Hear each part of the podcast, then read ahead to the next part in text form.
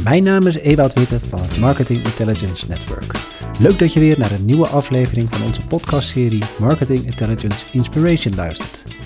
Dit keer was ik de gast bij Sylvie Verbiest, marktonderzoeker in hart en nieren die zich met haar bedrijf Small op jongeren en kinderen richt. En dat doet ze inmiddels 10 jaar. Maar hoe doe je goed onderzoek onder jongeren en kinderen? Sylvie vertelt er met enorm veel passie over en deelt ook graag wat ze allemaal doet om zoveel mogelijk bij te blijven in de belevingswereld van haar doelgroep. Ik ben Sylvie Verbiest. Uh, ik ben ja, toch wel in hart en nieren een onderzoeker, marktonderzoeker, praktisch onderzoek. En ik heb uh, twee labels. Uh, de belangrijkste voor mij nu is Small, Kids and Youth, Research and Consultancy. Nou, daar gaan we denk ik straks een beetje over hebben. En de andere heet Insight and Connect. Dat is veel meer een soort van netwerk van professionals die het uh, vanuit uh, consumer-based uh, inzichten maken. Wanneer ben jij met, met je zelfstandige activiteiten gestart? Ja, nou, dat is voor mij ongelooflijk lang geleden. Um, maar dat is zo een beetje begonnen um, toen ik een tweeling kreeg. En toen heb ik nog een jaar, was ik in dienst bij IPM, het Instituut voor Psychologisch Marktonderzoek. Maar ik vond het wel een hele zware tijd. En ik was de eerste ook met een mobiele telefoon hm. van het kantoor. Om te kijken of de kinderen op het kinderdagverblijf, uh, of dat opa op mij kon bellen op alle momenten. Nou, en uh, het was eigenlijk zo'n drukke tijd dat ik dacht, nou, ik, uh, ik heb zo, zo'n geluk dat ik twee van die lieve kinderen thuis heb. Ik ga even stoppen met werken. En um, dat is uiteindelijk niet gelukt, dat stoppen met werken. En dat voelde ze bij IPM al heel goed aan, omdat um, ik kreeg een afscheidslied waar ik ook de tranen rolde uh, van dag en van verdriet. Want ik wilde eigenlijk niet stoppen. Ik vind mijn werk, vond mijn werk superleuk. Maar het lied ging zo dat in het couplet was het van ze gaat uh, over vier jaar komt ze terug. En toen het couplet 2 was over twee jaar komt ze terug. En couplet 3 was we zien je morgen weer. Dus ik wilde helemaal niet stoppen. Maar um, ik heb dat wel gedaan. Ik ben nu ook gaan werken uh, parttime of als freelancer voor eigenlijk mijn oude werkgever. En zo is het een beetje begonnen. Het uh, zelfstandig zijn. Je bent toen nog niet meteen uh, small gestart. Nee. Je bent gewoon echt als freelancer de markt ingegaan. Ja, ja. ja. ik heb altijd heel veel consumentenonderzoek gedaan. Hm. En heel graag over voeding. Het liefst gezonde voeding. Dus niet voor de frisdranken en de alcohol en het tabak of de farmaceuten. Nee. Uh, ja, dat heb ik 15 jaar gedaan. Tot ik een um, aantal andere dames heb ontmoet waar ik small ben, uh, mee ben uh, begonnen. Die ook die passie hadden voor kinder- en jongerenmarktonderzoek. die passie heb ik nog steeds gelukkig. Dat komt een beetje omdat als je al heel lang consumentonderzoek doet, het klinkt misschien een beetje arrogant, maar dan kan je bijna al, voel je aan wat ze ongeveer gaan zeggen van een concept of van een, of van een, een, een communicatieconcept of van een productidee omdat je zo intuïtief al zoveel ervaring hebt in hoe mensen ongeveer gaan reageren. Ik heb ook al heel veel huishoudens gezien, hun kastjes, hun koelkasten, met ze gekookt, met ze boodschappen gedaan, alles. Dat ik dacht, oh, nu moet ik wel zelf voor verversing gaan, vol, gaan zorgen in mijn brein. Omdat ik ga het al bijna invullen. En dat is niet goed. Nee. En maar bij kinderen en jongeren ben je elke keer weer verbaasd. En dat was de reden. En het is nu inmiddels uh, negen jaar en elf maanden geleden. Zo. Dus, nou, Bijna jubileum. nou, dankjewel Ewart voor dit gesprek. Want eerlijk gezegd, omdat je dit vroeg of ik mee wilde doen... ging ik zelf ook heel erg nadenken van wat heb ik eigenlijk gedaan al die tijd. En dat is dus bijna tien jaar geleden. En Ja. door jou denk ik wel, ik moet dit wel gaan plannen om dit te gaan vieren. Met alle mensen die met mij hebben gewerkt de afgelopen tien jaar. Wat zijn in die tien jaar belangrijke momenten geweest voor de ontwikkeling van, eh, van Small? Nou ja, de ontwikkeling komt heel vaak van uitdagingen. En die uitdagingen komen vaak van klanten. Hm. Dus als ik eh, één groot iets eh, mag noemen, is wel de, ja, de samenwerking een aantal jaren uh, met een, uh, een bedrijf die van die loyaliteitsprogramma's uh, maakt voor, voor retail. Dat heet, Ja. Die heet Brand Loyalty. En daar heb ik de kans gekregen om het wat meer fundamenteel te kijken van wat heb je aan insights en wat, hoe kun je concepten valideren. Zonder daar heel erg voor open, want ze begonnen daar eigenlijk net mee. En ik heb voor dit bedrijf ook de hele wereld over mogen reizen. En met kinderen mogen spreken uit landen waar ik echt moest pionieren. Om Ja. daar de goede researchers te vinden. Dus eh, in China, maar ook in Oekraïne, eh, in Moskou, eh, in Amerika. Super gaaf om dat te doen. Dus dat is wel Ja. iets heel moois wat ik heb mogen meemaken. En waar ik ook wel door wil gaan. om eigenlijk internationaal met kinderen te gaan werken of dat te gaan coördineren. En hoe krijg je dat georganiseerd, zo'n project? Ja, goede vraag. Nou ja, dat lijkt een beetje op, ehm, ja, misschien wel op het werk wat eh, jij met MeMatch ook als recruiter doet. Je moet eerst ehm, heel goed scherp hebben van wat, wat, wat zoeken we. Ehm, en ik moest toen eh, ook helemaal netwerk gaan opbouwen. Ik heb het niet via LinkedIn gedaan, wel ook via databases van de ESOMAR bijvoorbeeld.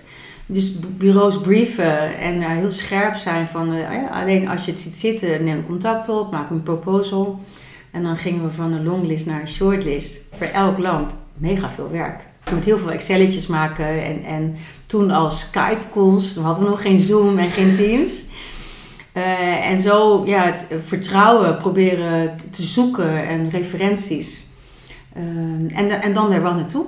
Naar die landen, dus wel mee. Ja, ja, ja. En dan een dag van tevoren al het materiaal doornemen. Eh, nou ja, zoals je dat zelf misschien ook wel eens gedaan hebt met internationaal onderzoek.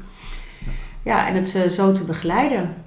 En is dan de setting per land compleet anders? Kun je Ja. echt in een hele andere soort ruimte, locatie? Ik weet niet of je ze Ja, nog moet volgen op een bepaalde ja. manier. Nou, voor, voor de landen waar ik het lastig vond om het vertrouwen te geven, voor een aantal Oostbloklanden bijvoorbeeld, ga je dan toch eerder naar de Kantar en de, de, toen de, de Nipo-achtige. De grote? Ja, de grote. En dan daar de afdeling kwalitatief marktonderzoek. En dan als het goed was, hadden ze daar altijd wel één expert die op de jeugd was, eh, die daar heel veel van afwist. Dus ja, wat zijn dan de locaties? Dan zit je gewoon op een heel groot onderzoekbureau. En dan vaak we het op zaterdag. Ja, ja, ja. Dus dan was het hele kantoor leeg. Maar dan konden wij wel, omdat we met moeders en vaders en kinderen werken, eh, dat ze dan vrij zijn. Dus dan waren we op zaterdag van die hele grote kantoorgebouwen.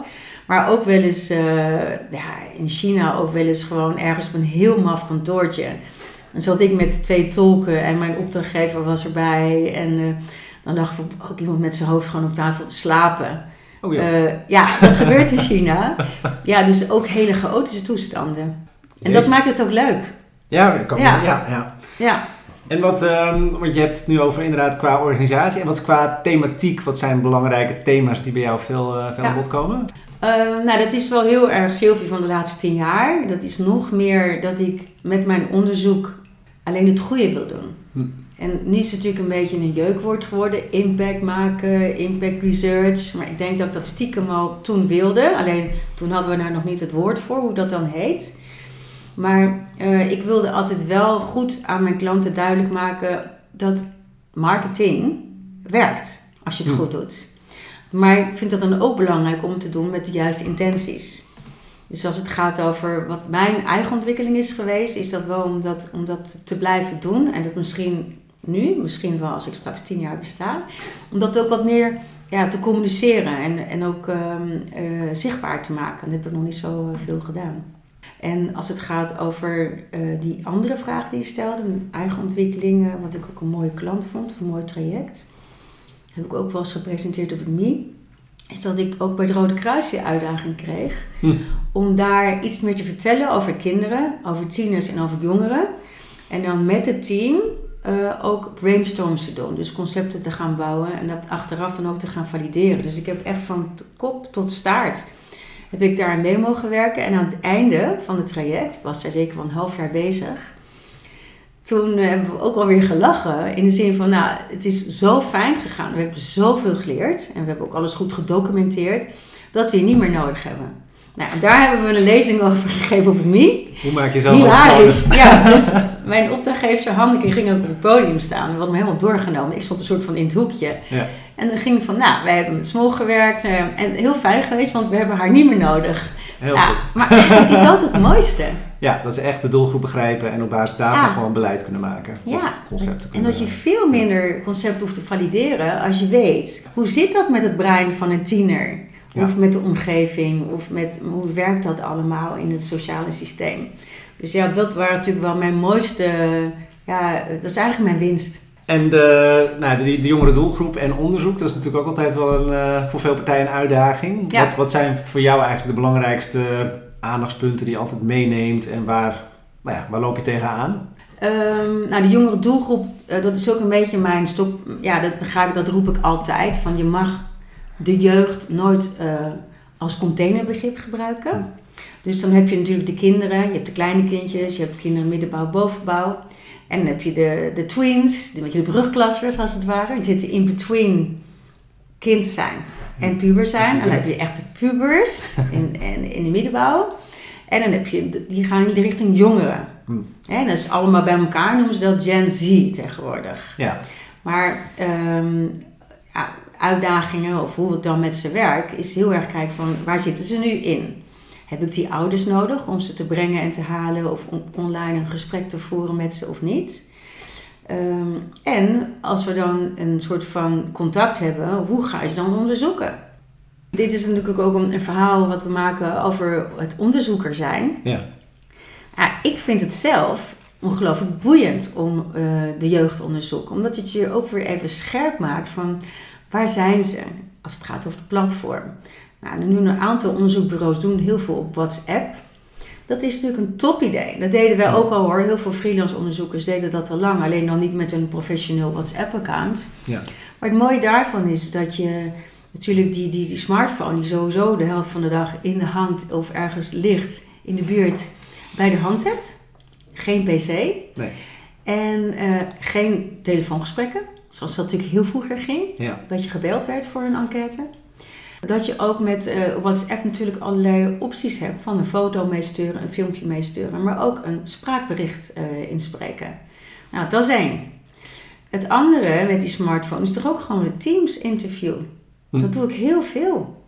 En dan zit ik welkeurig achter mijn laptop en mijn klant zit ingebeld uh, met het scherm uit. Ja. Maar zij zitten in de kleedkamer van de Albert Heijn. Omdat ze daar even een pauze nemen in hun dienst van vakken vullen. Of ze zitten gewoon op straat. Uh, of ze zitten op school eventjes uh, in een tussenuurtje mee te doen. Ja, dus een van de uitdagingen, eigenlijk zijn niet heel veel uitdagingen als het gaat over met jongeren onderzoek doen. Je moet je gewoon even verdiepen in wat is handig. Want ja, waar we nu zitten bij mij in mijn lab, dat is wel handig voor de ouders met kinderen. Ja. Die droppen hier de kinderen. We gaan hier aan de gang, hier aan de tafel.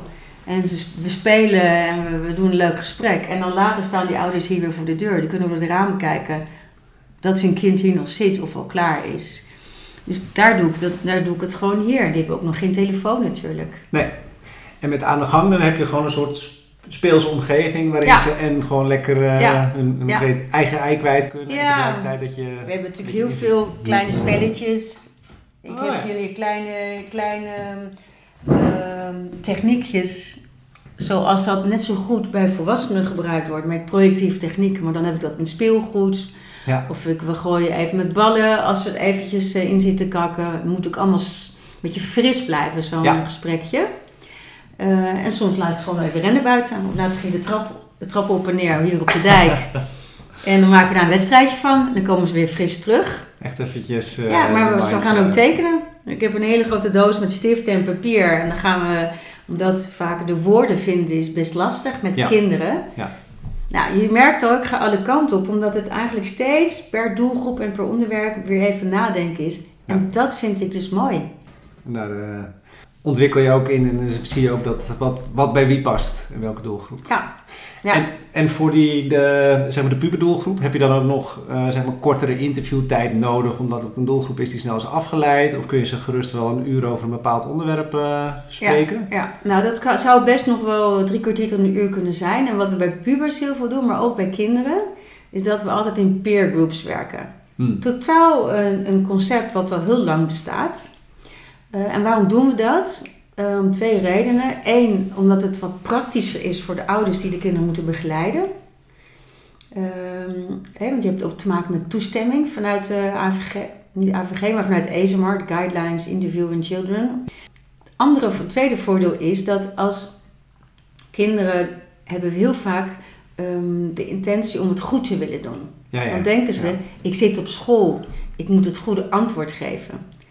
En, en die voelen ook soms wel de, socia- de druk om, eh, niet precies, om niet echt heel eerlijk te zijn, maar om toch iets wenselijks Sociaal te antwoorden. Ja, Als ze nou met hun bestie zijn, die begint of te lachen, of die gaat aanstoten van, is helemaal niet waar. Ja, ja. Want jij doet altijd dat en dat. En je zegt, is niet waar. Je, je jokt. Nou, dat is natuurlijk heel grappig. Ja. Dus als je met z'n tweeën bent, zijn zij veel eerlijker.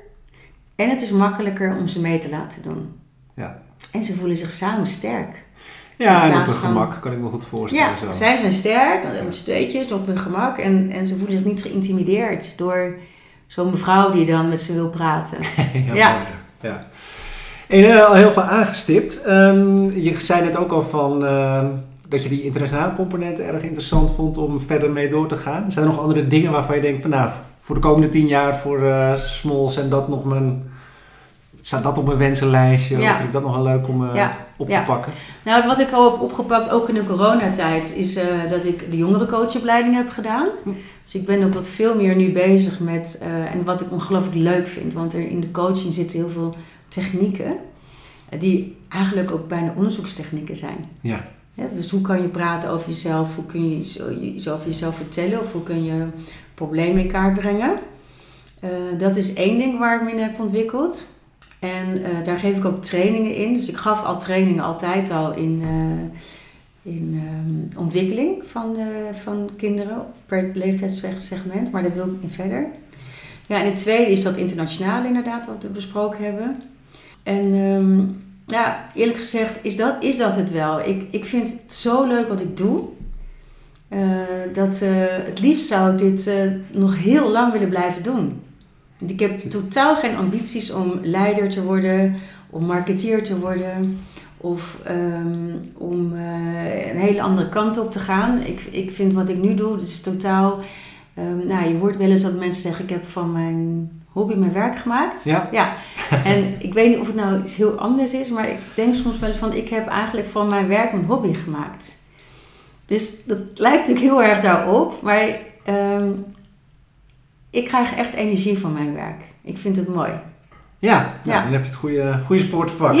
Ja. Dus, eh hey, leuk. Ehm, en even nog wat meer uitzoomend eh, van op het, eh, op het vakgebied als geheel, waar je Ja. natuurlijk ook al een tijdje actief in bent. Ja. Eh, wat heb jij in de afgelopen periode gezien als belangrijkste ontwikkelingen voor Ja, jeetje. in de Nou, marktonderzoek? ja. nou ja, kijk, heel veel verandert natuurlijk niet. Ik ben al heel lang lid van de Vereniging voor Marktonderzoekers. Dat was vroeger NVVM en nu is dat de, de, de MOA, Ja. de Marktonderzoek Association. Ehm, dus heel veel verandert niet. En dat is vooral ook dat heel veel, wordt heel veel geklaagd. dat is altijd. En dat er natuurlijk onvalse concurrentie is bij de universiteiten of bij de consultancies. Ehm, en dat is natuurlijk, natuurlijk een aantal ontwikkelingen die waren er toen en zijn er nu nog steeds. Dat eh, zowel grote reclamebureaus, maar ook de, de, de grote accountantskantoren hebben een afdeling trendonderzoek, een afdeling ehm, marktontwikkelingen bijhouden. Nou, fijn. Ik heb er geen last van, want ik vooral kwalitatief marktonderzoek doe. Maar wat natuurlijk wel echt veranderd is, de laatste vijf tot tien jaar, is dat soort van data-driven eh, wijsheid. Ik ben vanuit, als psycholoog heel erg vanuit, ehm, ja, heel erg vanuit het totaalplaatje, eh, ook vanuit het onbewuste. Ja. En ook vanuit waar, waar willen we eigenlijk liever niet over praten of beantwoorden, maar wat wel speelt in beslissingsgedrag. Ik vind het ook heel erg interessant, de hele neuropsychology en het, de, de, de- hoe, hoe het brein werkt, of neuromarketing. En de laatste tijd hoor ik ook van jonge mensen dat ze natuurlijk alles baseren op data. Dat vind ik eh, een mooie ontwikkeling om te zien, want dat betekent namelijk dat veel meer mensen in ieder geval iets valideren of testen en niet denken van zo deden we het altijd al en zo gaan we het doen. Dus dat is prachtig. Ook het hele do-it-yourself onderzoek van grote ondernemingen. Hè, of het nou over een ING gaat of over een, eh, een, een fast mover. Heel veel marketeers doen zelf ook eventjes een kleine survey. check. Ja. Vinden wij natuurlijk als puristen helemaal niks. Maar het is natuurlijk top dat ze in ieder geval iets doen. Ja. Maar de minder positieve ontwikkeling vind ik dan wel dat ehm, van die ontwikkelingen van 5 tot 10 jaar dat, ehm, dat een beetje het menselijk vergeten wordt. Dus echt de diepe gesprekken, het echte, de echte why. Eh, en ik blijf daar natuurlijk wel eh, voor gaan. Ja. Eh, maar dat vind ik, vind ik, nou, dat zie ik wel veranderen. En zijn er vanuit jouw ehm, expertise binnen het vak of, of breder dan dat nog dingen waarvan je zegt, joh, dat vind ik echt interessant om te volgen, te lezen, om bij te blijven met alles? Ehm, ja, het is, het is zeg maar inherent aan het, aan het werk, omdat ik exploratief onderzoeker ben, ehm, moet je nieuwsgierig zijn. Hm. Dus ik kan wel zeggen dat ik zeker één dag per week sowieso blok voor het bijblijven. Oké. En um, dat is best veel. Hè? Als je dat natuurlijk bij een, bedrijf, bij een bureau moet, uh, die uurtjes moet schrijven, ja, dan denk je, wat ben je aan het doen? Maar ja, dus ik, en ik heb, het is niet alleen lezen of luisteren, het is veel meer dan dat. Het, ik, ik, ik zie het een beetje op vier domeinen. Het is voor mij meemaken, dus echt de experience van iets. Het tweede is natuurlijk het lezen. Het derde is luisteren. Onder andere ook podcast, wat we nu aan het doen zijn. Uh, en, uh, en het vierde dan als kijken. Um, ik kan ze even kort misschien doorlopen. Puur misschien ter inspiratie voor mensen die dit, die dit ook horen. Maar nou, als het gaat over meemaken, en dat is ook een beetje het, uh, het leven waarom ik ook uh, zelfstandig ben. Of als freelance ook wel werk voor andere bureaus. Maar dat ik een beetje mijn eigen tijd kan indelen. Is dat ik er ook voor kan kiezen om dingen mee te maken.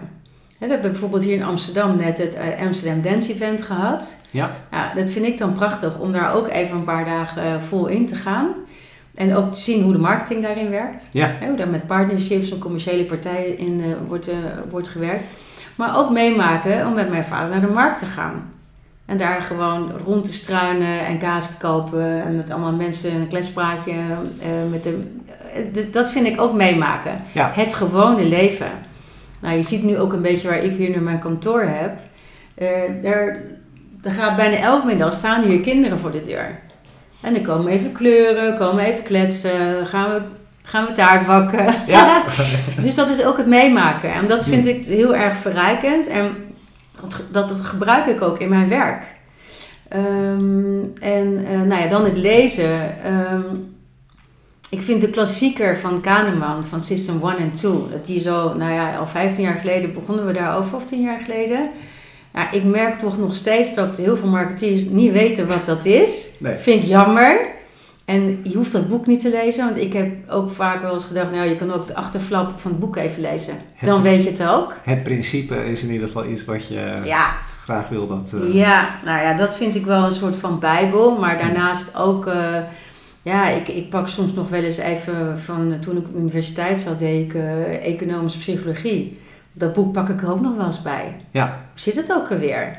Een stukje consumer behavior eigenlijk. Uh, vind ik ook heel erg leuk om dat nog even terug te lezen. Met hele andere ogen dan toen. Ja. en um, uh, twee boeken die ik zelf heel veel ook heb verwerkt in mijn trainingen is uh, Het Puberende Brein van Evelien Kronen. Zij is ook professor op Erasmus en echt voorvechter geweest van te snappen hoe uh, de ontwikkeling van, uh, van jeugd uh, in elkaar zit. En het waarom van verslavingen, het waarom van chaotisch zijn, het waarom van talenten hebben op een bepaalde leeftijd. En Youngworks, dat is een reclamebureau met ook een onderzoeksafdeling, um, die hebben een boek geschreven, Het Puberbrein. Hmm. Dus wat toegankelijker, wat, wat, eh, wat makkelijker te lezen. Nou, dat zijn ook wel twee boeken, Het Puberende Brein en Het Puberbrein, die ik ook iedereen adviseer die met de jeugd uh, wil gaan werken. Uh, nou, kijken, ik ben uh, heel erg van de JOMO, de, de Joy of Missing Out. ik kijk denk ik al 15 jaar geen televisie. Ah, oké. en uh, ik kijk gewoon s s'avonds even de NRC digitaal wat ik moet weten. Ik heb daar mijn eigen voorkeuren opgegeven van welke informatie ik niet wil missen. En, uh, en ik kijk op uh, eh, NPO Plus kijk ik uh, ja, meer onderzoeksjournalistieke programma's. En dat is varieert van uh, Pak de Macht, alles van Lubach, alles van Teun van de Keuken. Ja. nou, maar ook wel um, ja, Follow the Money is dan natuurlijk wel weer lezen. Maar ja, dat, dat zijn ehm, zeg maar merken of uh, programma's waar ik op aanga. Ja. Maar ik ga niet aan op entertainment. Ik vind het veel te langzaam gaan. Ik vind het stom. Uh, ik heb er helemaal niks mee. Oké. Dus dat is mijn kijken en lezen. Ja. Ja, en uh, nog meer meemaken. Ik ben deze week twee dagen op Dutch Design Week. Ah. En daar ga ik gewoon in mijn uppie naartoe. En dan s s'avonds ontmoet ik daar mijn ouders. Ehm, en dat is gewoon op me af laten komen. Wat, wat zie ik? Ik spreek met de studenten. Je maakt kennis met ehm, niet per se design. Want design is meer een manier van denken. Zoals jij ook met, met Perspective hebt gesproken. Het is hele design thinking. Ja, precies.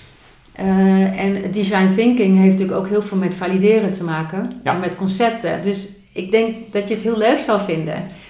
Uh, het is een beetje een soort van speeltuin. Eigenlijk wel een beetje too much. Dus je moet best wel even je weg vinden en een kleine keuze maken. Want er is heel veel input. Uh, maar dat inspireert me enorm om, uh, om daarheen te gaan. En dat in het groot heb ik in het voorjaar gedaan. Dat is een heel groot kennis- en IT-festival in Amerika, in Austin. Hm. Dat heet South by Southwest. Ah, en uh, daar ben ik naartoe gegaan en daar heb ik ook gewerkt voor een soort van afdeling van buitenlandse zaken. Als reporter heb ik daar mensen geïnterviewd, hm. die Nederlandse mensen geïnterviewd, die, om te kijken van wat doe jij hier en, en daar stukjes over geschreven. Dus dat is ook het meemaken. Gewoon totaal nieuwe dingen zien. We hebben daar toen al dat DAL-I hebben we, heb ik meegemaakt. Dat zijn die visuals die je kan laten genereren. Ken je, ken je dat idee? Het is een, ehm, een programma. Ja. Dat als jij zegt, ik wil uh, metro uh, en een neushoorn dan maak je een prompt. Je geeft wat zoekwoorden als het ware in. Ja. En dan krijg je er visuals van. Die eigenlijk door allerlei algoritmes gecreëerd worden. Oh, Je kunt het bijna niet voorstellen. Nee.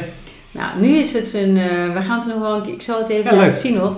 Het is iets uh, wat ik daar dan al heb gehoord vorig jaar maart. Dat het bestaat. Ja. Maar ook het automatisch genereren van teksten. Dat dat ah, ook al kan. Ja. Uh, en ook um, nieuwe muziekstromingen. Um, eigenlijk op allerlei domeinen, zoals het ook in Eindhoven met de Dutch Design Week is, heb je daar op IT-gebied, ja, het zijn een beetje de voorlopers. Dus ik kon toen al meepraten over de metaverse. Ja, ja, ja. en uh, ja, dat vind ik dus ook heel erg interessant om mee te maken, omdat je niet van tevoren weet wat je daar gaat leren, maar door ergens te zijn, weet je wel, uh, ik ga hier geïnspireerd raken en uh, met, met, nieuwe energie en nieuwe ideeën verder. Uh, ja, maar, maar ook wel fijn om ook als het gaat over met jongeren spreken. Jongeren, en dat is ook een van de mooie dingen van mijn werk, is hmm. die zijn altijd toch veel gevoelig voor nieuwe ontwikkelingen.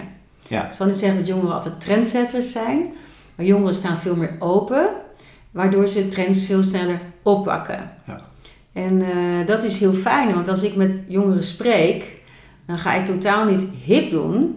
Maar ik wil wel laten weten dat ik begrijp wat er nu speelt. Ja. Anders nemen ze mij ook niet serieus. Dan denken ze, ja, jij boomer. Ik heb hier totaal geen zin in. Dus ik moet natuurlijk ook wel een beetje laten zien dat ik, dat ik me ook uh, heb verdiept in uh, wat, wat hen raakt. En zijn er nog andere dingen die jij onderneemt om helemaal bij te blijven? Ja, nou, ik onderneem het niet direct. Het is wel, ik maak er tijd voor elke zondag. Maar een goede vriend van mij, Gert Koot, hij heeft ook een boek geschreven, 14 eh, stappen voor marktcommunicatie, wat op alle hogescholen en universiteiten gebruikt wordt. Hij heeft elke week een nieuwsbrief met 10 items die iedereen moet weten die in marketing en communicatie werkt. Nou, die, uh, die bespreken wij elke zondag om 11 uur op LinkedIn met een audio, uh, ja, zo'n audio. Um, uitzending is het eigenlijk. Audiostream. Een audiostream. Ja. En dan gaan we live. Allemaal best wel spannend. Maar dit doen wij al anderhalf jaar. In de coronatijd begonnen. En we hebben nu een grote groep met luisteraars. Uh, en die doen ook allemaal mee in het gesprek. Dus oh, zoals wij nu een podcast doen, doen wij eigenlijk een audio-uitzending. En elke zondag is dat voor mij de beste start van de, van de week eigenlijk, of van de zondag omdat ik dan door hem alle, allerlei onderzoeksrapporten, media, uh, nieuwe socials, uh, ontwikkelingen op het gebied van, uh, ja, veel op media en op trends, die ik niet weet. Ja, ja, ja. Het kost natuurlijk ook heel veel tijd om bij te houden. Maar die krijg ik elke zondag op een presenteerblaadje en die nemen we door een uur lang. Dat is goed. En dat is eigenlijk nu een beetje mijn ding om bij te blijven. Hey, hartstikke mooi. En ik denk heel veel mooie, inspirerende ideeën en uh, dingen om te volgen. Ook voor mijzelf en ik denk zeker ook voor veel luisteraars. Zijn er nog dingen waarvan je zegt van nou, ik heb nog wel uh, iets wat ik graag nog wil delen? Ja, dat is eigenlijk iets heel persoonlijks waar ja. ik zelf heel erg van houd, maar wat het wel vaak vergeten wordt. Dat is ook zoals jij nu hier bij mij zit. Van stel vragen. Ga het gesprek aan. Dus ook met gewone mensen op straat. Een vriendelijk woord uh, bij een kassa of uh, met, met wie dan ook. Uh, levert niet alleen een heel fijn gevoel op, maar ook informatie. En dat is wat we vaak vergeten. Dat we in onze eigen bubbel blijven zitten. En vergeten met, dat er eigenlijk al zoveel informatie zit op het gebied van jouw domein. door gewoon het gesprek aan te gaan. Maar je moet het doen. En jij doet het bijvoorbeeld. Heel goed. Ja, nou, ja. het past er helemaal mooi bij het meemaken van uh, zoals je net al hebt geschetst. Hey, superleuk. Dankjewel hiervoor uh, voor al deze mooie, mooie informatie. Heel graag gedaan, Eva, want ik vond het een groot plezier. En hiermee zijn we weer aan het einde gekomen van deze podcast.